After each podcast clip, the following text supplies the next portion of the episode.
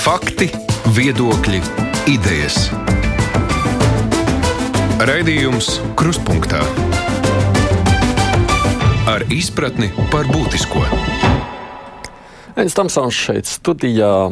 Saimai tuvākajās dienās būs jāizlemj, kas aizvietos satversmes tiesā tiesnesi Inetu Ziemeli, kur pēdējos gados ir bijusi tiesas priekšsādātāja un kas tagad ir kļuvusi par Eiropas tiesas tiesnesi. Satversmes tiesas tiesneša amats ir palicis vakants, un paši deputāti ir pieteikuši kopumā piecus kandidātus. Jāatzīst, cilvēki ir ar pieredzi un vārdu, un tādēļ šī varētu būt diezgan sīva konkurence. Pēc kādiem kritērijiem tad saimai vajadzētu vadīties, lemjot par savu izvēli un ko mēs par šiem cilvēkiem zinām. Šodien kurspunktā raidījumā esam aicinājuši piedalīties visus piecus izvirzītos satversmes tiesas tiesneša amata kandidātus. Jaunā vienotība ir izvirzījusi saimnes deputātu no savas frakcijas Ines Lībiņa. Egner, labdien jums! Labdien! Attīstībai pār savukārt ir uzrunājusi advokāti Ines Kuļsevu. Labdien! Labdien! Un frakcija KPVLV ir saņēmusi piekrišanu kandidēšanai no trešās Ineses, no juristes Ineses Druvietes. Labdien arī jums! Labdien! Nacionāla apvienība ir izvirzījusi bijušo deputātu juristu Ringoldu Balodu. Sveicināti! Labdien! Nu, un Zaļo zemnieku savienības virzītājs eksdeputāts Gunārs Kūtrs ir šeit studijā savukārt. Labdien! Labdien. Pārāk daudz cilvēku zūm ekrānā, lai varētu grūti vieglāk saredzēt. Tā mēs esam sadalījuši šoreiz. Protams, paldies par to, ka izkārtojiet savu kalendāru, tā ka varat piedalīties raidījumā. Es aicinu klausītājus arī, ja jums ir jautājums kādam no kandidātam. Kandidātiem vai vispār, nu tad atsūtiet to vai nu ar mājaslapu vai uz e-pastu, krusta.eta Latvijas radio LV. Nu, ņemot vērā to satversmes tiesas specifiku jautājumu, droši vien varētu arī būt noderīgi, kas padarītu stundu mums interesantāku. Sākumā gan tāds iepazīšanās jautājums droši vien viens ir, kas ir tas, kas jūs tad. Uh, dara tieši jūs piemērot šim amatam? Nu, kāpēc saimai vajadzētu par jums balsot? Druvietis kundze, sāksim ar jums. Tas, protams, ir saimnes izvēle. Paldies, bet es gribēju uzsvērt, kā es esmu piederīga Eiropas kultūra telpai, Eiropas tiesiskai kultūra telpai, kā es arī esmu mācījusies padziļināt par jaunajām tehnoloģijām. Un neizbēgami šīs divas kompetences būtu tās, kas būtu noderīgas un kas varētu papildināt satversmes tiesas gudro prātu solus. Tas nozīmē, bez esošās juridiskās izglītības vēl citas prasmes. Jā, man ir arī, jā, man ir arī politologa diploms, un es esmu arī strādājusi praktiski politikā. Esmu bijusi ministra palīdzība divus gadus. Un esmu pirms desmit gadiem un esmu iepazinusi to virtuvi un aptuveni zinu, kādā veidā tas notiek. Kā es arī esmu papildinājusies pēdējā, eh, pēdējo divu gadu laikā Amerikā, mācoties par tehnoloģiju tiesībām. Jauna nozara, kas mūs skar visus, un tagad ar pandēmiju, kas mūs skars aizvien vairāk. Mm, Kaut vai šī pati video konference. Mm -hmm. Labi, Nikoļs Kundze. Jā, paldies par jautājumu. Un man patiešām šķiet, ka uh, tas, tā saimnes deputāta izvēle būs tieši par to, ko viņi vēlās redzēt, uh, ar kādu pieredzi, no, ar, ar, no kāda skatu punkta. Uh, Satversmes tiesas tiesneša kandidāts var piedāvāt redzējumu. Un, manuprāt, pašlaik satversmes tiesā ļoti prevalē tāda akadēmiska un teorētiska domāšana, jo visi, manuprāt, tiesneši ir mācību spēki Latvijas universitātē, un ir arī uh, tiesneši, kas nāk no vispārējām tiesām, uh, tiesneši, kas nāk no saimas un, protams, arī no akadēmiskām aprindām. Bet nesmu visā, manuprāt, satversmes tiesas darbības laikā pamanījusi nevienu zvērinātu advokātu, kas būtu tieši strādājis ar uh, pieteikumu gatavošanu, ar konstitucionālām sūdzībām un varētu piedāvāt to skatu punktu tieši no pieteikuma iesniedzēja viedokļa, kas, manuprāt, arī reizēm satversmes tiesas spriedumos iztrūkst. Un, uh, diemžēl tā nav viena vai tikai dažas situācijas, kad pie pozitīvas atvērsmes tiesas sprieduma tomēr pieteikuma iesniedzējs neiegūst to, uz ko viņš būtu cerējis. Un man ir ļoti daudz idejas par to, Eh, kā šo situāciju varētu mainīt, vai vismaz piedāvāt diskusijai. Nu, to mēs droši vien arī pārunāsim. Pieredze, jā, to... Bet tā pieredze, tās galvenais pluss jūs ir tieši šī pieredze no, kā jūs teiktu, no pieteikuma iesniedzēja puses, sacīsim tā. Ja? nu, nav tā, ka es piedāvāju tikai šo vienu pieredzi, bet jā, tas ir tas, ko es piedāvāju tādā aspektā, ka tā ir dažādība. Bet akadēmiskā pieredze man arī, protams, ir un arī ir tiesību zinātņu doktora grāts tieši konstitucionālās tiesībās, tāpēc tas man arī noteikti nebūs svešs. Mm -hmm. Labi, Ignēs Kundze. Jā, es varētu turpināt tiešām šos ļoti labos argumentus un pievienot arī savu dzīves gājumu un šos argumentus papildus akadēmiskajai karjerai. Esmu um, papildinājusi savas profesionālās iemaņas vairākos konstitucionālajos orgānos. Sākotnēji uzsāku darba gaitas kā satversmes tiesas tiesneša palīgs. Tad pēc studijām maģistra studijām Vācijā, atgriežoties, uzsāku darbu zvērnāta advokāta amatā. Arī to laika es sagatavoju konstitucionālas sūdzības kopā ar zvērnāta advokātu Lauru Liepu pārstāvēju. Um, Lietas dalībniekus satversmes tiesā, piedalījos arī Eiropas cilvēktiesību um, tiesas pieteikumu gatavošanā, vēlāk nonācu konstitucionālajā orgānā pie valsts prezidenta kur um, gatavoja pirmo valsts prezidenta iesniegto pieteikumu satversmes tiesā, kur arī satversmes tiesa atzina, uh, ka likums neatbilst satversmei. Uh, pēc tam um, Jā, esmu ieguvusi tautas mandātu vairāk kārtīgi un nodarbojos ar ļoti nozīmīgiem juridiskiem jautājumiem, gan kā juridiskās komisijas priekšētāja biedri iepriekšējos sasaukumos, gan tagad kā tiesu politikas apakškomisijas vadītāji ar likumdošanas procesu, vairāk tieši ar tiesu efektivitāti un citiem jautājumiem, bet, protams, kā deputāti piedalos arī visu citu likumu pieņemšanā, kas ir koleģiāls darbs. Kā, kā, kā, kā nu saimnes deputātam pienāks. Jā, nu, droši vien politisko pieredzi arī Baloškungam jāmin, vai ne? Kas ir vēl tas, kas jūsuprāt tieši jūs dara tādu piemērot šim amatam? Nu, ja sevi runāt vispār ir ārkārtīgi grūti. Es Pirmkārt, ko es varētu uzsvērt, tad akadēmiskais pamats, esmu profesors pēdējos 20 gadus, faktiski esmu nodarbojies ar konstitucionālu dažādu institūciju un orgānu pētniecību, tā skaitā arī satversmes komentārus esmu vadījis, kur esmu divas no inesēm iesaistījis arī. Ja runā par pieredzi, kas, manuprāt, ir ļoti būtiska, jo faktiski par satversmes tiesnesi var kļūt sākot no 40 gadiem, kas ir nozīmīgi, jo faktiski te, līdzīgi kā valsts prezidentam tiek prasīta arī zināms briedums. Tad šeit man ir pieredze gan pašvaldību darbā, esmu bijis pašvaldībā strādājis, esmu bijis likumdevēja varā un esmu bijis arī izpildu varā visai ilgi, un šī pieredze, es domāju, ka nu, lietišķi noderēts skatot konkrētas lietas, un tas nav tikai teorētiskais aspekts, kas ir svarīgs satversmes tiesnesim. Tur es iepriekš minētajam runātājam piekrītu. Mm. Kutra kungs, nu, jums jau arī ir pieredze, lai nu ko tur teikt, vai ne? Jā, pieredze ir. Es negribētu nosvietot, ka arī politiskā pieredze dod savu, gan pozitīvo, gan negatīvo. Bet, manuprāt, nu, kāpēc man? man? Man liekas, ka man ir pietiekami liela pieredze tieši satversmes tiesas darbā. Um, savu laiku strādājot, nostrādājot desmit gadus šajā amatā, un uh, pietiekami dziļi esmu izkodis to, kādā veidā šie spriedumi veidojas. Un šobrīd arī no cita rakursa redzu, kā tie likumi ir veidojušies un kāpēc viena vai otra norma tur ir.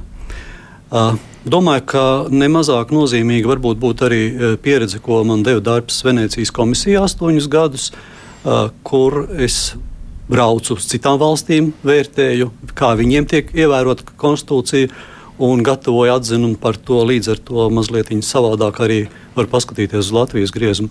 Un man liekas, ka mazliet nozīmīgs būtu tas, ka mūsu satversmes tiesai šobrīd neviens tiesnesis, neviens arī palīgs no juridiskā atbalsta dienesta, neviena nav speciālista krimināltieskajā jomā. Tā kā varbūt šī specializācija būtu noderīga šajā kompānijā. Mm.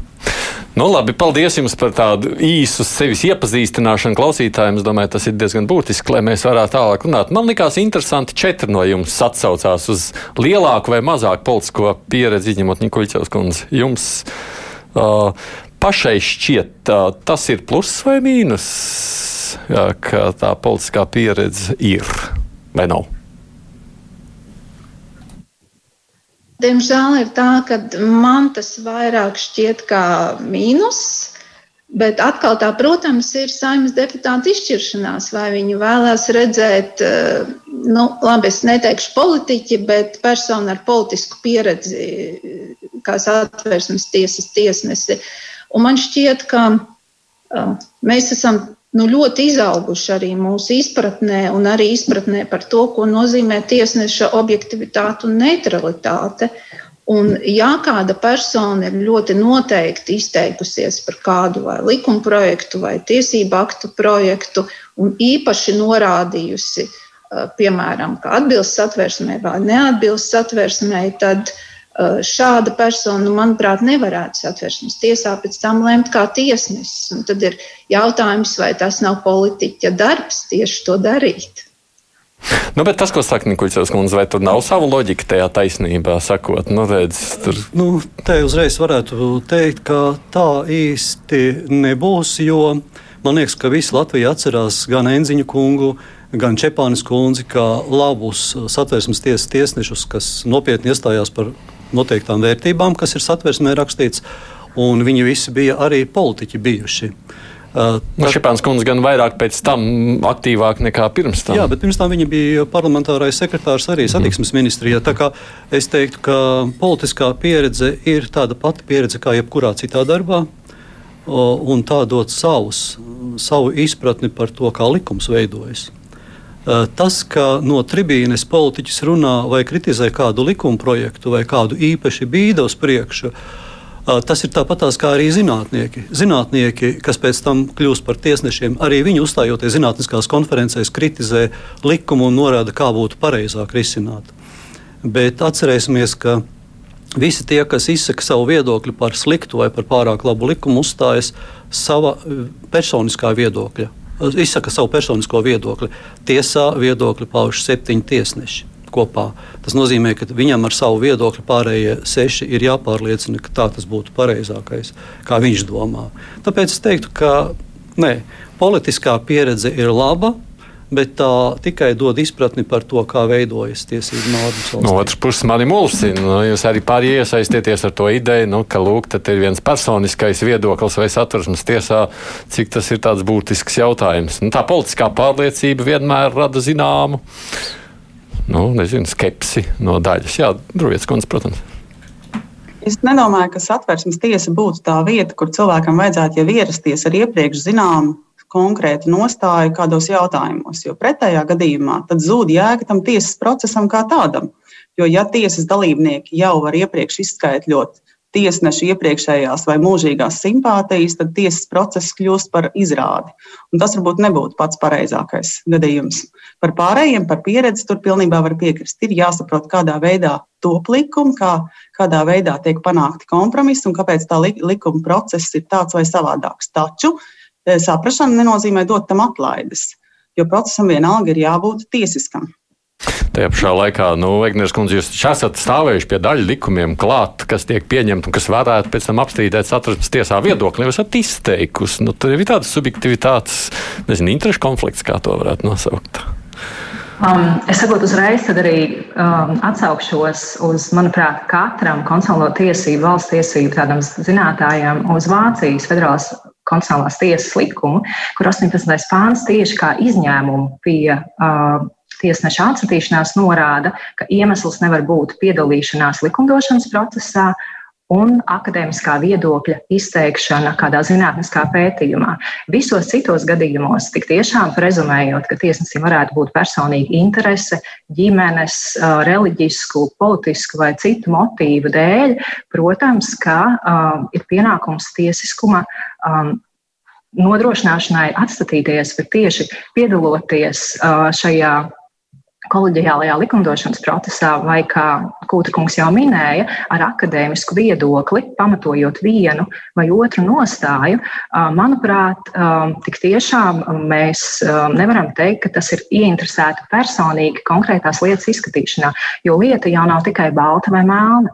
Ja mēs palūkojamies uz satversmes tiesas spriedumu, šī metode kā tiek lēmts par konkrētās apstrīdētās tiesību normas satversmīgumu, ietver ļoti daudz dažādu, dažādu jautājumu. Un tur nav tikai tāds patīk, nepatīk, kā varbūt kā vēlāk gribētos teikt, ka tiesnesis var lasīt kā grāmatu. Varbūt pat labi, ka vienu kandidātu būtiskos ideju un, un, un vērtību jautājumos jau pirms apstiprināšanas tiesā var lasīt kā grāmatu. Un es domāju, te varbūt ir tāds, nu, redzot, kā tiesnesis ir balsojis, tad varbūt tad vairāk redz viņa valstiskumu nostāju un lasa to tā grāmatu, un deputāts var arī izvērtēt, vai šādām nostājām un principiem var piekrist vai nevar piekrist. Es redzēju, ka Kuļķis koncerts cēl roku. Jā, man šķiet, ka tomēr ir ļoti, ļoti jānošķir dalība likumdošanas procesā kā tāda. Un tieši, ja eh, tā persona, kas ir pašlaik politiķis, ir paudzis ļoti skaidru viedokli, piemēram, atbalstot kādu likuma projektu, un jo īpaši argumentējot, piemēram, saimas sēdē, ka šis likuma projekts atbalsta satversmei un lūdzu to atbalstiet. Un kas notiek, ja pēc tam šī persona nokļūst satversmes tiesā kā tiesnesis un vērtē šo likumu? Un arī objektivitāte ir ne tikai objektīvais, bet uh, subjektīvais kritērijs, kā tas izskatās sabiedrības acīs.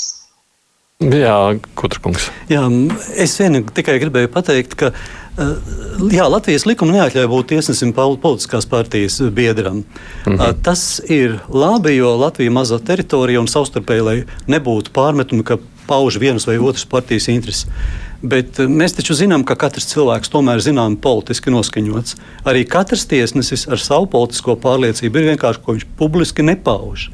Un, un ja mēs zinātu, kādu viņš politisko viedokli paustu, mēs teiktu, ka viņš nav tiesnesis. Nu, nē, viņš tāpat iet balsot, balso par noteiktiem.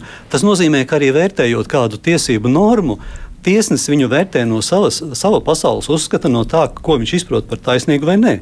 Un, un tāpēc mēs nevaram pārmest šo politisko darbošanos. Bet, eh, Baloškungs, atbildot jums, es tikai nolasu normas, rakstīt, nu kā nav kauna politiķiem līst uz šo amatu. Šis amats pienāks tikai un vienīgi no pelniem bagātam tiesnesim. Nevainojams tiesneša darbs var būt vienīgais kritērijs. Ko jūs atbildēsiet? Nu, nu, vispār es roku cēlu pirms laika. Bet Inês interesanti diskutēja, un es pat negribēju iejaukties. Es sākšu ar to, ka te ir divas lietas aizskats pēc būtības. Viens ir uh, saimas darbs, darbs saimas sastāvā, kā tāds, kas ir kompromitējošs iespējams kandidātam. Un otrs eh, bija politiskās neutralitātes princips, un jūs tad aizskārāt vēl trešo, ka labi būt tiesnesim. Nu, Pirmkārt, sākšu ar to, ka teiksim, eh, nu, ir ļoti interesanti veidot satversmes tiesnešu kompozīciju, jo tiek deleģēti no dažādām institūcijām šie tiesneši. Konkrētā gadījumā mēs runājam par vienu tiesneša amatu kandidātu vietu, ko Eh, ko tad, eh, lem saima un arī izvirza saimas deputāti. Ir attiecīgi arī eh, no tiesas virzīti kandidāti un ir no valdības. Ja mēs runājam par, to, par šo kompozīciju, kā veidojās, viņi ir veidoti ļoti apzināti un gudri, jo faktiski viņi paredz, ka vienmēr satversmes tiesnešu sastāvā būs tiesneši, kur ir tiešām ilgus gadus strādājuši, panākuši daudzus panākumus un ko ir attiecīgi novērtējuši citi tiesneši un izvirza viņus uz satversmes tiesu.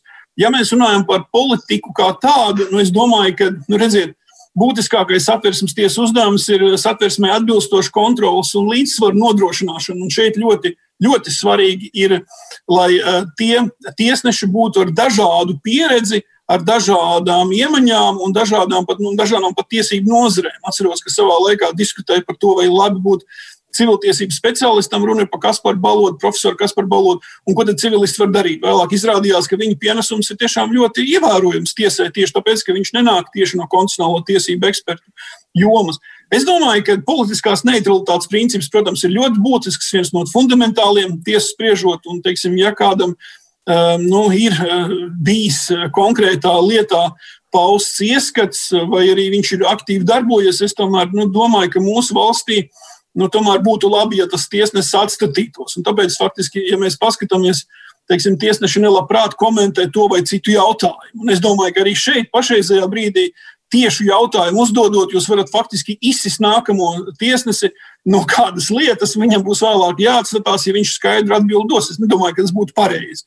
Bet, eh, bet jā, nu, ir labi, ka ir tiesneši, ir labi, ka ir profesori. Un šī gadījumā es, es, es tiešām nesaprotu, kāpēc mans īslaicīgais četru gadu periods tiek vērtēts būtiskāk nekā 20 gadu periods kā profesoram un kā satversmes pētniekam.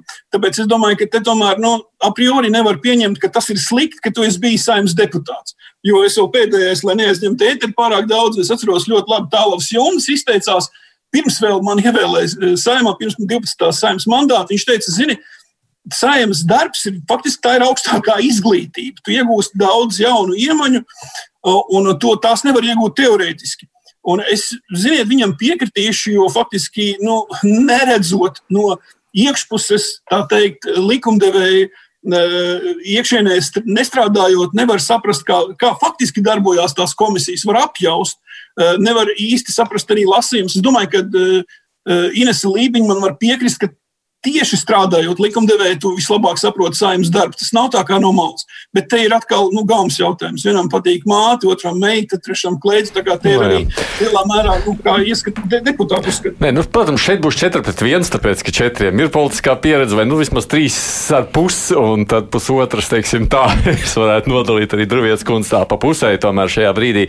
Bet, uh, nu, pabeidzot tikai šo politisko sadaļu, un tad ejam uz priekšu, te raksta savukārt Aivars, nu, bet kā tad jūs jūs varētu, šis ir konkrēts jautājums Egnēs kundzei, Lībiņas kundzei, kā jūs varat lemt par mediķu atalgojumu kā tiesnesi, ja pati par to ir balsojis kā politiķi? Nu, un savukārt Oskars raksta, nē, Sanita raksta šeit, bet, nu, savukārt, ja jūs regulāri atstatīsiet sev no lietas izskatīšanas, jo tāpēc, ka interešu konflikts, nu, tad jau tāda puslodze viens sanāk, kāda jēga no šāda tiesneša darba. Jā, es gribētu teikt, ka pirmkārt satversmes tiesa nelēma par mediķu atalgojumu kā par atalgojumu. Satversmes tiesa lemj par šīs konkrētās tiesība normas atbilstību, to, kādā procedūrā tā ir pieņemta, kāds ir bijis šis likumdošanas process, kā tas atbilst satversmē noankarotajiem principiem. Un, un, un, un tādējādi soli pa solim atrisinot uh, šo jautājumu. Likumdošanas procesā tādiem žēl nav. Likumdošanas process tik tiešām ir politisks, īpaši jautājumos par uh, finanšu uh, pietiekamību valsts budžetā.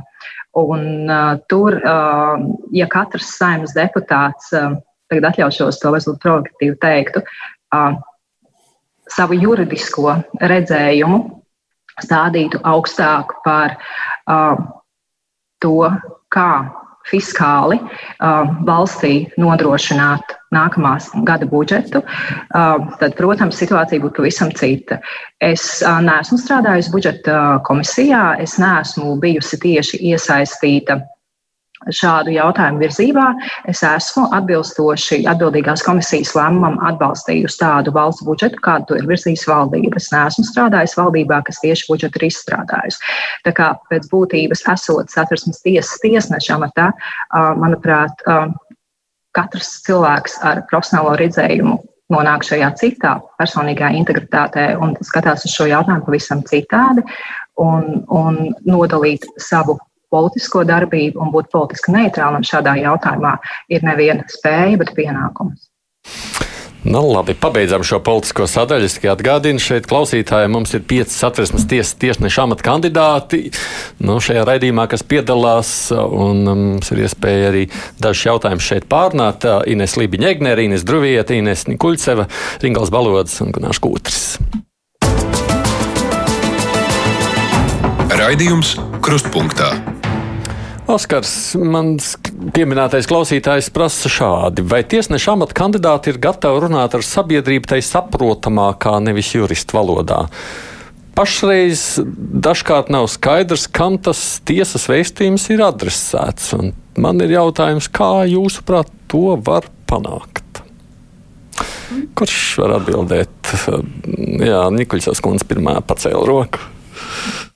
Jā, es eh, varbūt, diemžēl, Oskar, jums mazliet nepiekritīšu, jo man šķiet tieši eh, pēdējā, varbūt gada vai divu laikā ir satversmes tiesa palikusi tik ļoti atvērta, un arī mūsu tiesas vispār, bet jo īpaši satversmes tiesa pēc katra nozīmīga satversmes tiesas sprieduma ir preses konferences, un jūs varat arī noskatīties tās lietas, kas ir eh, mutvārdu procesā, eh, nu, eh, gan tiešraidē, gan arī ierakstā, jebkura persona to var internetā apskatīties.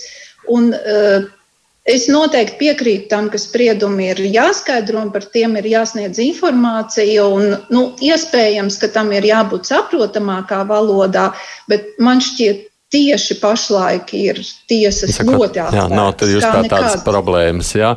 Papriekš Druvietas kundze tad Ingoldam Balodim vārds. Jā. Es gribēju teikt, ka satversmes tiesa jau ir ļoti atvērta, tieši tā kā Nikoļcovs kundze piebilda. Un kas ir interesanti, tad SKDS augusta aptaujā bija norādīts, ka puse no iedzīvotājiem tai uzticās. Un tad, lai tu varētu saprast, tev ir arī jāuzticas un otrādi. Tāpēc satversmes tiesa pilnīgi noteikti var vēl turpināt, mēģināt skaidrot sabiedrībai, tāpat kā to dara daudzas Eiropas institūcijas. Varbūt Oskaram palīdzētu, ja mēs to uztaisītu kaut kādā grafiskā attēlojumā, vai kaut kādā video, vai kādā citā veidā, lai viņš varētu labāk saprast to. Bet es arī piekrītu kolēģiem, ka ļoti daudz jautājumu ir ļoti dziļi, un eh, tāpēc vienkārši izskaidrot tos multinītēs varētu būt pagrūti. Balvoškungs. Nu, tā ir vispār liela problēma, un es domāju, ka ne tikai mūsu valstī, jo būtībā uh, Pagājušajā gadā es arī vadu Tiesību zinātņu pētniecības institūtu, un mēs sadarbībā ar Latvijas vēstnesi Eh, izdevām vienu grāmatiņu, kas faktiski uzreiz tika izpirkta par, par, par mediju komunikāciju ar tiesām, tiesu komunikāciju ar medijām, par sabiedriskā viedokļa ietekmi. Un būtībā nu, tā ir viena liela problēma tā ziņā, cik tālu tiesnesim eh, būtu jānolaižas nevis līdz Oskara līmenim, nē, bet eh, līdz, līdz ļoti vienkāršam tādam stāstījumam par sarežģītām lietām. Tā ir vienmēr dilema. Bet es domāju, ka tiesas faktiski ir nu, viņas nu, nav redzētas vismaz televīzijā, ka kāds būtu aizsirtis durvis aiz sevi un, un, un, un tā sacīt, negrib runāt ar sabiedrību. Tas ir skaidrs, ka tiesnesim tomēr jāspēj tas stāstīt. Otrs apvērsmes tiesnese, tiesneši pēdējā laikā. Pēdējos divos gados sāk stāstīt par, par to, par ko ir pieņemts spriedums. Viņi mēģina skaidrot, un bez tam, ja mēs runājam par satversmes tiesu, Nu, te ir katram no satversmes tiesas priekšsēdētājiem, tāds ir arī Gunārs Kūtris. Viņiem tomēr nu, viņš ir satversmes tiesas priekšsēdētājs līdzīgais starp līdzīgajiem. Viņš ir viens no, kas lemj. Ja? Un vienlaikus viņš ir vadītājs. Katram tiesas priekšsēdētājam bija savs izaicinājums šajā laika periodā kaut ko darīt. Tiksim, Aivaram Enziņam liels nopelns, ka viņš faktiski nu, to tiesu, tiesu lika uz pamatiem. Gunāram Kūtrim bija izaicinājums lielā krīze finansiālā. Ja? Bet, ja mēs runājam par Inetu Ziemeli, viņi tiešām eh, visam tam lika turpinājumu pamatā. Un, teiksim, ir visādi zīmēšanas arī konkursi, ir visādas diskusijas, kas, manuprāt, lielā mērā arī atver to sadaļu, par ko tiesnesis nevar runāt. Jā, viņš var runāt diskusijās, bet viņš nevar runāt attiecībā uz spriedumu teiksim, dažādiem aspektiem. Nu, es domāju, mhm. ka te ir spērts labs solis, un es domāju, ka satversmes tiesa nav gluži tā, kas nav centusies eh, virzīties skaidrojuma ziņā, bet nu, teiksim, izskaidrot ļoti vienkārši satversmes pāns.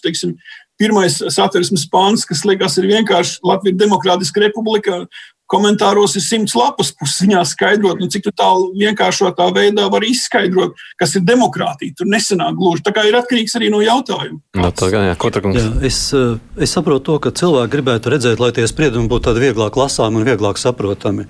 Un tiešām Ziņas vieglajā valodā. Eh, neteiksim pašā vieglajā valodā, bet it kā vienkāršākiem vārdiem, jeb bez profesionāliem Aha. terminiem. Un tad es vienmēr gribētu teikt, nu, ir jau tā, ka ja mediķi savā starpā runā, diez vai ierindas cilvēks varētu saprast mediķu sarunu niansēs visu, vai fiziķi, vai IT datoru speciālisti. Viņiem ir sava leksika, ko lieto. Un konstitucionālā tiesa pēc būtības ir tiesa.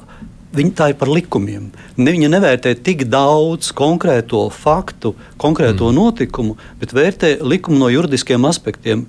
Jā, sarežģīta analīze. Un tur nevar iztikt bez juridiskām niansēm. Turpat bieži vien ir svarīga viena vārda pareizā, uh, pareizais konteksts pārējiem vārdiem, uh, kas var izšķirt to. Tāpēc es teiktu, uh, jā, ir centieni vairāk skaidrot spriedumu, jo savulaik es atceros, ka mums bija. Izrauja kāds vienu teikumu no sprieduma, viņu pasniedz kā šī sprieduma galveno elementu. Un tad, tad mēs teicām, ka jā, jādod kaut kāda preses relīze, jādod skaidrojums, lai neaizietu nepareizs sprieduma skaidrojums jo tas bija apzināti paņemts šaurāks jēdziens. Mm -hmm. Tā kā šobrīd ir aizgājis praksa tā, ka vienkāršākus spriedumus diez vai izdosies īpaši uzrakstīt. Es nezinu, vai es gribu turpināt to tēmu. Es varu varbūt uz nākamo jautājumu iet, Ignārs Kundze. Ir kaut kas. Ne? Jā, es domāju, ka kopsavilkot, ik vienam ir tiesības zināt savas tiesības, un, un tā kā cilvēkam tas būtu jāzina, bet, protams, ka juridiskai tehnikai, profesionālam spriedumam nepietiek tikai ar to, ka visi to saprot. Tas varbūt tas kopsavilkums. Jā, jūs pieminējāt budžetu. Man šajā ziņā ir tas lielais nākošais jautājums, kas man liekas ir vienmēr bijis tāds ar lielu jautājumu zīmi gaisā karājošais. Satversmes tiesai nākas pieņemt, ja tā pieņem, lemj par lietām, kas nu, ietekmē budžetu. Un, uh, Tad ir tas jautājums, cik daudz vispār tiesai vajadzētu lemt par lietām, kuras, jā, nu, kuras pasaka, kā naudu valdībai vajag vai nevajag sadalīt. Kur jūs redzat to? Nu, kas ne, kā lai viņi nosauc tagad to ne, ne, ne vidusceļu, to pareizo, to gudro Sālamanu lēmumu, nu, cik daudz tiesa un kur tomēr tas budžets ir un paliek valdības uh, ziņā lemjamais jautājums. Un es ar Regnēras kundzi gribētu sākt šo.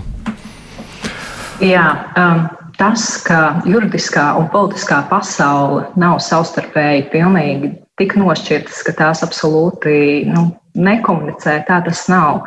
Un, un, protams, ka mēs pa posmiem iedalītu satversmes tiesas judikatūru līdz šodienai, līdz 2020. gadam, mēs redzam, ka tik tiešām tieši varbūt sākotnēji tie jautājumi, kuri satversmes tiesai šķita, ka nē, tie nav juridiski jautājumi, tie vairāk ir politiski jautājumi. Tagad mēs skaidri redzam, ka tie ir um, sociālo tiesību jautājumi, un tieši konstitucionālajai tiesai ir jādod skaidra atbilde arī šajos jautājumos, un tas var skart arī valsts, ja visas sabiedrības naudas izlietojumu.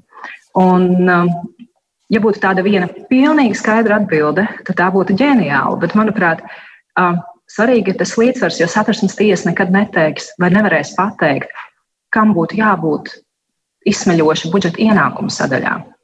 Bet, protams, attiecībā uz budžeta izdevumu sadaļu, uz tiem vērtību jautājumiem, kas ir satversmē, un mēs esam sociāla valsts ar tām iespējām, kādas tās ir, un pēdējie šie spriedumi, sociālo tiesību spriedumi parāda, ka satversmes tiesa pēc būtības norādīja, un ļoti pamatīgi, pamatot norādīja gan izpildvarai, gan, gan saimai, ka ņemot vērā iespējas, un iespējas, protams, ka paplašinās, mēs ar katru gadu um, topam bagātāk, ja tā var teikt, tad arī šīs sociālās um, garantijas ir jāpārskata. Nevar būt tā, ka mēs um, ekonomikā dzīvojam 2020. gadā, bet sociālajās tiesībās paliekam kaut kur desmit gadus iepakaļ.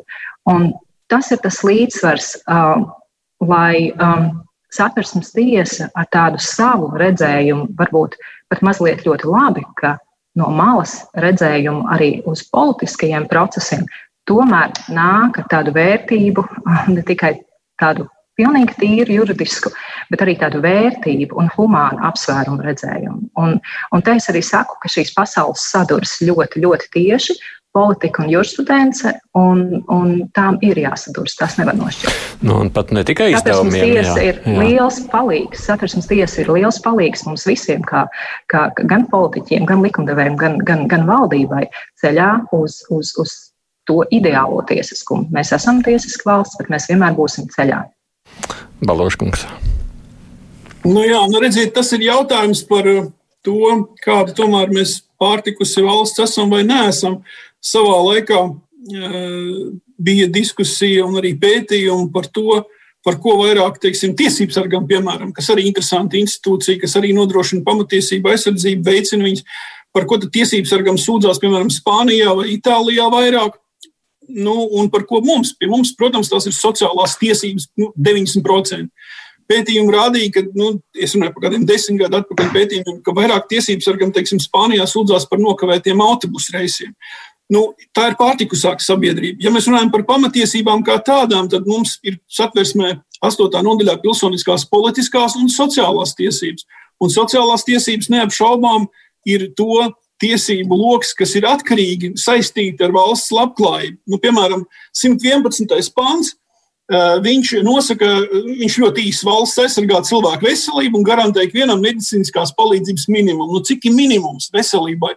Tā faktiski ir no izdzīvošana, tas būtu minimums, bet dažos gadījumos, sevišķi teiksim, tādu retu slimību gadījumā, lai noturētu cilvēku pie dzīvības, varbūt ir nepieciešami vairāki miljoni. Jā, medikamenti. Es jau nesaku, ka jautājumi... nevajadzētu lemt par to, bet jautājums, ne. kur jūs redzat to, nu, kaut kādu samēru jāsam. Jūs varat teikt, visiem vajag Tūkstoši eiro pensijas saprotu, jau. Nu. Es, es saprotu, ja runājam par praktisko aspektu, es pats nezinu, kā tas samērīgums tiek panākts.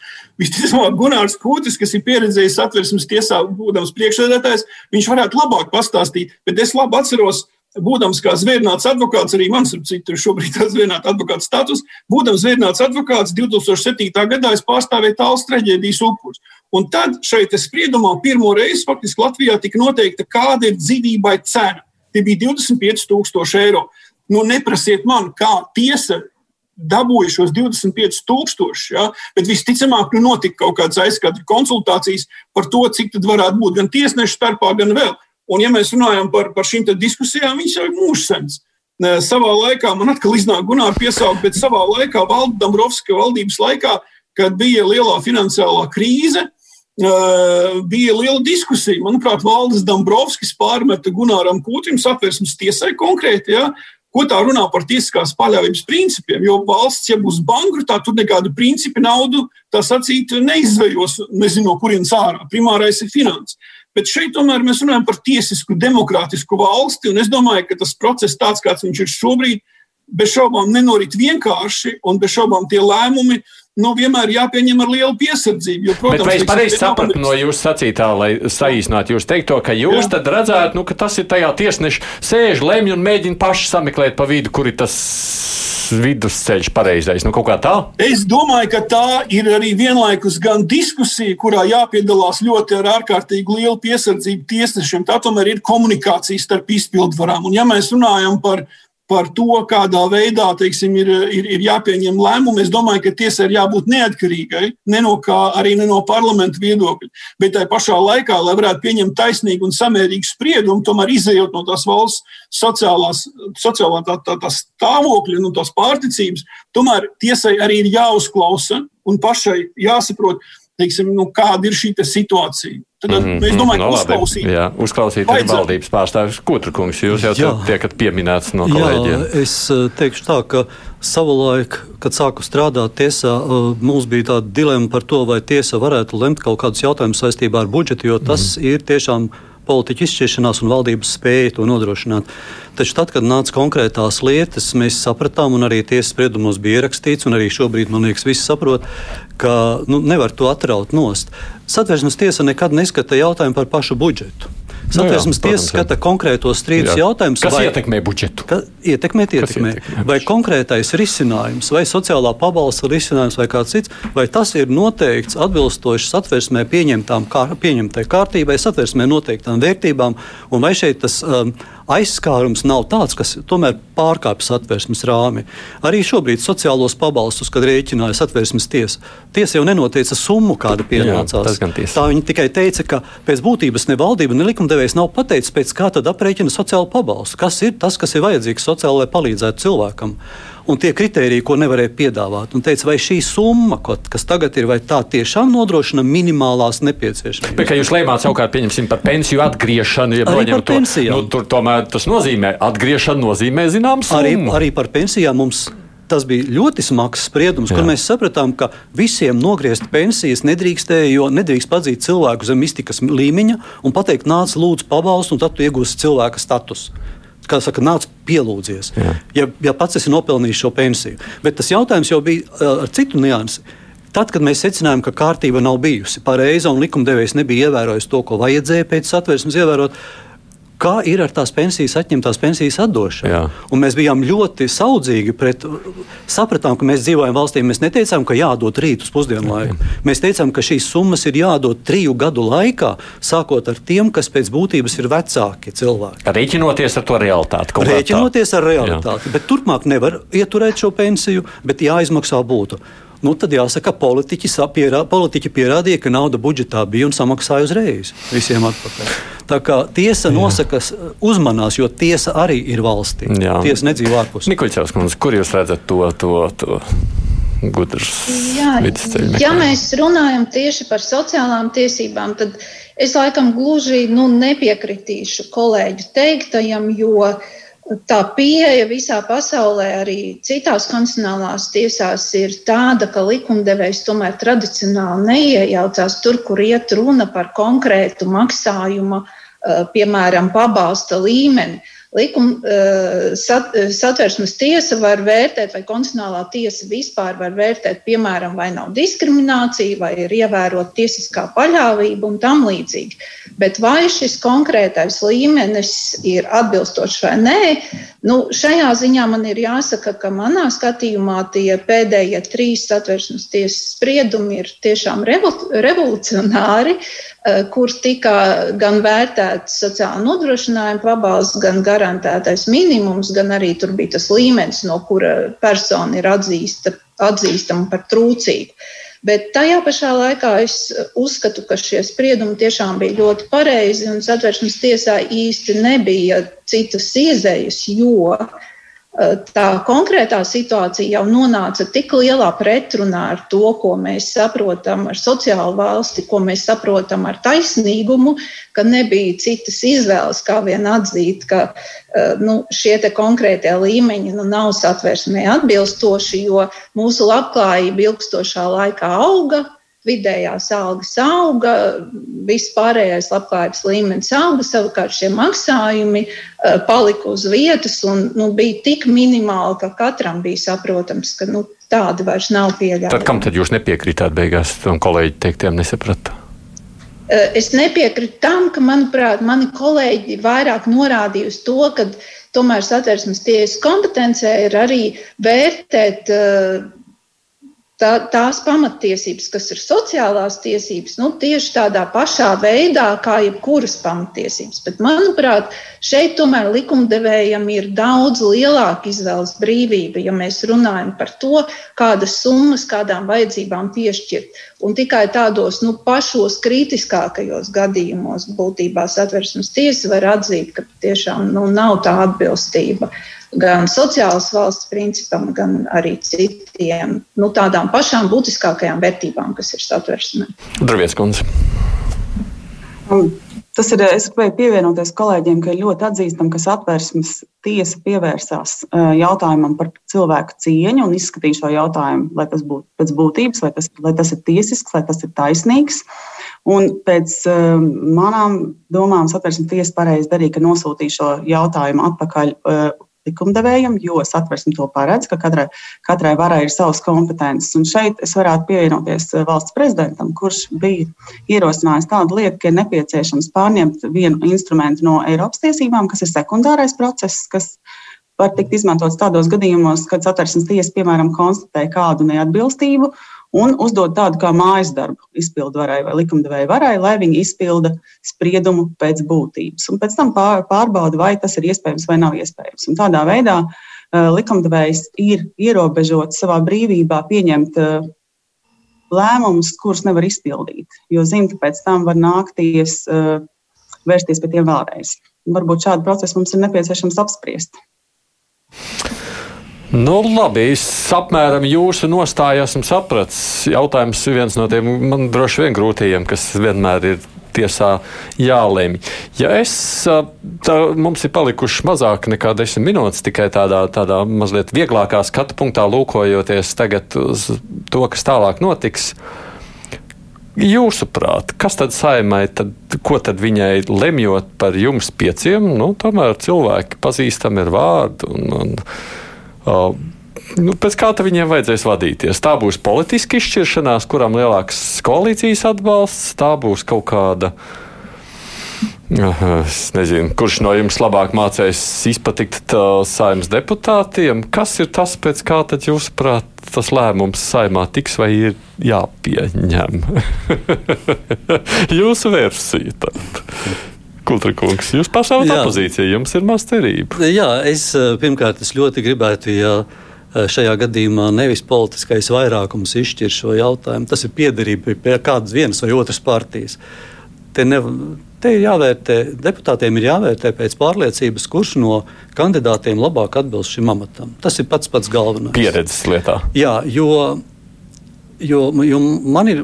Man ir zinot to politisko virtuvīti, kā tas notiek. Mm -hmm. Kādreiz var gadīties, ka kāda partija saka, labi, mēs piekāpsimies jūsu kandidātu, šoreiz atbalstīsim, bet nākamreiz jūs mūs atbalstiet tajā jautājumā. Tur ir neoficiālās sarunas. Nē, es, es nedomāju šobrīd par sevi. Es domāju par to, ka man negribētos, ja tiesas, tiesnesis tiktu ievēlēts ar šādu uh, risinājumu. Uh, Es saprotu, ka grūti būs deputātiem, jo man liekas, kandidāti visi ir spēcīgi un viņiem ir jāizvēlas viens no visiem. Kā izvēlēsies, man ir grūti pateikt. Mazliet līdzīgi skatos uz Drūvietas kundzi, jo jums jau savukārt no tiem koalīcijas partneriem ir tāda mazāka tā ietekme, skatoties uz politisko šobrīd spēku, tādu popularitāti. Nu, jūs šeit to rēķināties, vai ne? Jā, protams, jā, bet toties man ir eh, tas, ko citi te nevar piedāvāt, kas ir politiskā neutralitāte kas arī ir vērtības. Pēc Nikuļsevas kundze jau arī piedāvāja politisko neutralitāti. Jūs viņai neticat, jā? Par to lieliem deputātu. Bet jūs esat teicāt, ka esat gan padomniece bijis, gan strādājis jau kopā ar, jā. ar ministru. Nu, kur tad tā neutralitāte? Jā, tas bija pirms desmit gadiem, un tas bija kopā ar Danielu Pāvļu. Un, kā redzat, viņš ir izvirzījis citu Ines kā kandidātu. Tad, acīm redzot, man nav nekāda iespēja ietekmēt šo cilvēku. Nu, jū, bet jūs tā kā cerat uz to, ka vienkārši šo neutralitātes karogu varētu mēģināt pārliecināt kolēģis. Es ceru deputāts. to, ka es radu cienīgu konkurenci pārējiem kompetentajiem un godājumiem kandidātiem, un lai mēs visi varētu kopā īstenot demokrātisku procesu, mums ir jābūt pietiekamam skaitam dažādu kandidātu, no kuriem deputāti var izvēlēties, lai izvēlās labāko. Baloškungs. Vienot skatoties uz visām trim ministriem, ekranām viņas blakām, gan izvēlē liekas, ka tas ir skaistuma konkurss, kurā es nezinu, kā esmu gadījies blokus. Bet, ja mēs runājam nopietni, tad eh, es vakardien esmu apturējis darbību Nacionālajā apvienībā. Un par mani kā kandidātu balsos eh, tādā veidā, ka es nebūšu nu, esmu politiski neitrāls. Būtībā, ja mēs runājam par to neutralitāti, tad visi šajā mazā valstī visi viens otru pazīst pat ja viņi personīgi viens otru nepazīst. Tas ir jautājums drīzāk par to faktoru, tic vai netic tam cilvēkam, ko, ko, par ko partija balsos. Un, ja mēs runājam par šo situāciju, viņi vispār nu, tāda, nu, manuprāt, nā, tāda nav bijusi līdz šim, jo no tiesām nāk konkrēti kandidāti, saimnieki izšķirās. Tu nevari tā. Tur daudz vairāk būtu valdība arī par kādu konkrētu kandidātu lemtu. Nu, tie ir atsevišķi gadījumi, kad ir vairāk. Nu, šī gadījumā tas tiešām konkurss ir tāds, ka nu, Nu, vajadzēja būt vienam, vajadzēja būt vienam un no koalīcijas. Tas būtu tikai, tikai loģiski, bet nu, šī situācija ir tāda, kāda nu, viņi ir. Tā kā nu, deputāti lems pēc visām tām lietām, ko jūs pats aprakstījāt jautājumu formā. Līdz kundze, vai jūs tā esamība saimā palīdzēs tomēr vai traucēs jums pašai, kā tad šķiet? Es domāju, ka viennozīmīgi es varu teikt, ka tas ir tikai un vienīgi mans trūkums, jo ja um, es nebūtu saimā, droši vien atbalsts būtu daudz lielāks, jo par manu iespējamo um, neutralitāti satraucas nevis atzīti juristi, um, nevis um, politologi, bet tieši saimnes deputāti. Un es tajā vairāk saredzu greizsirdību, um, jo, kā jau teicu, mani kolēģi man var lasīt kā atvērtu grāmatu, Un, uh, to viņi arī var darīt. Uh, man dažas frakcijas ir uzaicinājušas pie sevis šajā nedēļā, jo līdz šim uh, man ar viņiem sarunas par šo nav bijušas. Es ļoti apzināti uh, tieši izvirzīšanas procesā neesmu lūgusi nevienu atbalstu, mana frakcija bija viena no pēdējiem, kur uzzināja, ka es vēlētos kandidēt. Tāpēc es tiešām to daru kā profesionāli savā jomā. Un, um, Bet jūs sakāt, ka, ka to mani jā. visvairāk var ievainot mana jā. politiskā darbība, ka esmu saņēmis tautas mandātu ilgstoši. Jūs sakāt, ka tā politiskā greizsirdība varētu noteikt balsojumu. Es um, neesmu atrauta no realitātes, um, un es redzu, ir dažādas politiskās simpātijas, un tieši uh, politiska esamības politikā tāds kā apsvērums tiek izvirzīts kā milzu trūkums, lai gan mēs arī šeit visi diskutējot un arī um, akadēmiski visi pētījumi rāda, ka tas nebūtu nav trūkums. Nikoļķis kundze, jūs prāt, kas tad to noteiks beigās? Jā, nu, es, protams, nezinu, kā balsos uh, saimnes deputāti, bet es gribētu tiešām viņus aicināt uh, nevis vienkārši atbalstīt savus partijas biedrus, bet pirmkārt paskatīties uz satversmes tiesu, kas jūsuprāt tur trūkst un kas tur būtu vēl vajadzīgs. Un, protams, novērtēt katra kandidāta piedāvājumu, pieredzi, izglītību, profesionalitāti un tad arī izvēlēties attiecīgo kandidātu. Es drīkstu vienu tādu personisku beigās nu, sarežģītu jautājumu pajautāt. Nu, ja jūs nebūtu, kur, par kuru no tiem četriem jūs balsotu?